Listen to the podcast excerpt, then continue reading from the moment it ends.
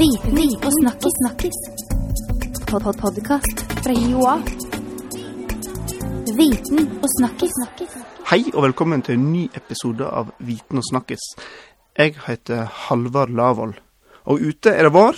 Vi kjenner pollenet røske i nesen, og eh, rundt om oss på høgskole og universitet så sitter det blodtyste studenter og jakter de beste karakterene. Og så kan vi òg kjenne igjen en liten følelse av eh, ja, stress og uro rundt den eksamenstiden. Jeg har ikke bare positive minner fra eksamenstiden sjøl. Hva med deg, Ingunn Nilsen? Nei, det kan, du, kan jeg trygt skrive under. Jeg, jeg var den type student som leste mye i siste liten, og, og ja, strevde med det. Eh, Det gikk sånn halvveis. Jeg endte som halv, hva heter det, halvstudert røver eh, på hovedfaget mitt. Men, men eh, jeg kom igjennom de eksamene jeg prøvde meg på, det gjorde jeg. Men, men det var utrolig slitsomt, og som du sier, det der å eh, Ja, altså Nå ser jeg jo hva man kan gjøre bedre, men det er klart at det å få det til, det er jo en annen sak. Du jobber til daglig på studieverkstedet og gir gode råd til studentene våre om eh, hvordan komme i gang med studieåret og lese underveis og eksamen til slutt.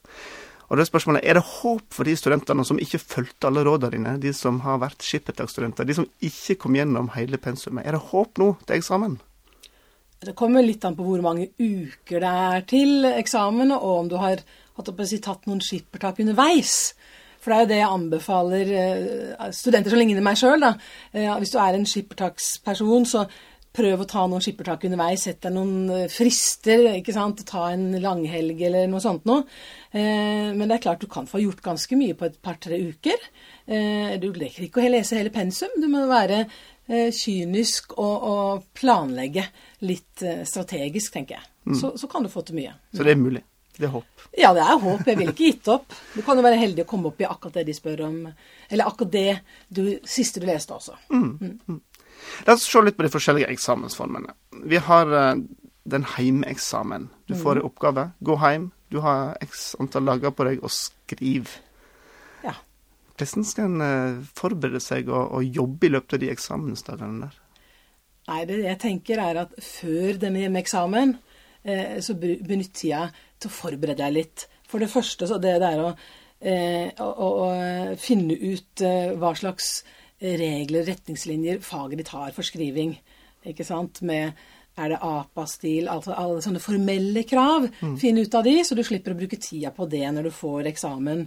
Um, og så, og så, eh, ja, se på oppgava, les den mange ganger.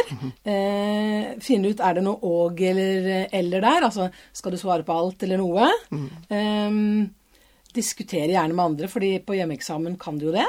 Eh, når du da leser oppgaveteksten, eh, let gjerne etter verbene. Det, det syns jeg er lurt, fordi det er jo de som forteller deg hva du faktisk skal gjøre. Ikke sant? Skal du nevne og beskrive noe, skal du gjøre rede for eller drøfte eller diskutere noe, så gjør det. Ikke sant? Følg med på verba. Altså. Ja, gjør det. Mhm. Og så skal du heller, altså, Det er det du skal gjøre, du skal ikke gjøre noe annet. Nei. Eh, det er en del studenter som kanskje ender opp med å skrive den oppgaven de ønska de fikk. Og det får du ikke noen god karakter for, ikke sant. Mm. Og hvis du er seint ute og ikke helt oppdatert, så for all del, ikke kopier. Nei, det er klart. Eh, du kan bruke kilder, eh, eh, bruke sitater. Eh, men hvis du bruker direkte sitat i tekst f.eks., så må du fortelle hvorfor du har valgt de sitatene. Integrere det i teksten din. Eh, klippe og lime, det lærte vi i barnehagen, det gir ikke særlig høy karakter. Men altså, du har x antall dager på en sånn hjemmeeksamen. Altså, hvordan bør du legge opp disse dagene? Bør du komme i gang med skriving umiddelbart? Eller skal du bruke to-tre dager på å lese, gruble, lese oppgaver flere ganger? Nei, jeg tenker at det du sier, å komme i gang fort, er lurt. Ofte kan man få litt jernteppe når man ser oppgaven. Dette kan jeg ingenting om, jeg husker ingenting. Jeg anbefaler ofte å bruke presskriving, altså sette av et kvarter og sånn. Ta tida på deg sjøl. Skriv alt du kommer på om temaet eller emnet. Eh, og så ser du plutselig at ja, men jeg kan jo noe. Eh, eller du kan ta, tegne tankekart eller ta notater eller sånn. Men, men kom i gang eh, og få ned alt som er i hjernen din. men kom i gang. Eh, fordi også når du, når du begynner å skrive noe, så begynner du å tenke. Ikke sant? Eh, hva kunne være lurt å ha med mer enn noe annet? Og så ser du også hvor er hullene mine? Hva må jeg lese om? Mm. Så begynner du å lese der. Altså les strategisk. Ikke begynn på første side av pensumlista. Begynn å lese der du ser du trenger noe til denne oppgaven. Mm. Det andre er for seint. Det har du ikke tid til. Og så må du disponere tida di Mm. eh, og oppgaven din. Ikke sant? En oppgave, hvis du får beskjed om at den skal være ti sider, så ikke bruk eh, fire sider på innledning og, og litteratur og sånn, ikke sant. Eh, av sånn cirka hvor mange sider du har tenkt å skrive om hver del. Og så skriv gjerne på den delen du har, eh, kan mest om i begynnelsen. Altså hopp og sprett litt rundt omkring. Eh, lag en foreløpig disposisjon, og så kan du fylle inn litt rundt. Så oppsummert. Ja. Mhm. Les oppgaver. Følg med på verba. Begynn å skrive umiddelbart, så Ja. Mhm. du får satt i gang tenkeprosessen, og disponer tiden din godt. Ja. Eh, bruk tid når det nærmer seg slutten. Les teksten din høyt.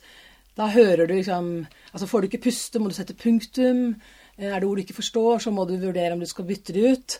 Eh, og ha tid til å organisere og rydde teksten. Se at referansene dine er korrekte. Alt det her.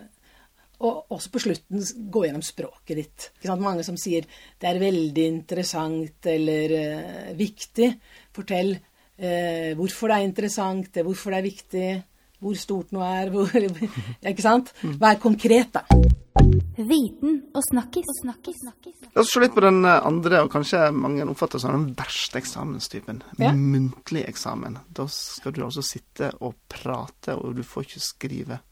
Hvordan skal en forberede seg til den der eh, kjipe muntlige eksamen? Nei, altså forberedelsene, da tenker jeg at da er det lurt eh, å holde litt sånn prøve muntlig. Eh, enten for seg sjøl, men aller beste med noen medstudenter. Finn noen gamle eksamensoppgaver og prøv, prøv det ut, sånn at du liksom får føle litt på kroppen når noen stiller deg et spørsmål sånn plutselig. Og så må du selvfølgelig spise og sove det, det siste døgnet. Det er det mange som glemmer. Og så er det Det er ikke sånn som du sier, altså man har jo lov til å skrive. Eh, hvis det, sensorene kommer med lange spørsmål og sånn, skriv noen stikkord. Eh, ikke sant? Da har du noe For ofte så husker vi de første de sa, og så har vi glemt resten. Eh, har du noen stikkord, så, så har du noe å huske eh, fra, men også noe liksom å avlede eh, nervøsiteten din. ikke sant? Du kan fikle med pennen og, og, sånn. Og så er det lov å ta pauser. Det er lov å puste, eh, med magen gjerne. Eh, drikke vann. Eh, fordi når du gjør det, så får du tenkt deg om du får liksom roa deg ned. Eh, og så kan du begynne på igjen. Og så er det selvfølgelig lov å stille spørsmål. Altså, Er det noe du ikke forsto, be dem om å gjenta spørsmålet. Det viser bare at du er reflektert og ønsker å svare på det de spør om, og ikke bare prate som en foss. Og så er det vel om å gjøre å passe på å ikke sitte og tolke sensor altfor mye under muntlig òg. En del kan kanskje bli stressa av å tolke Ja. ansiktsuttrykk og Ja, ja, ja. ja. Konsentrer deg om deg sjøl og, og ditt. Ja.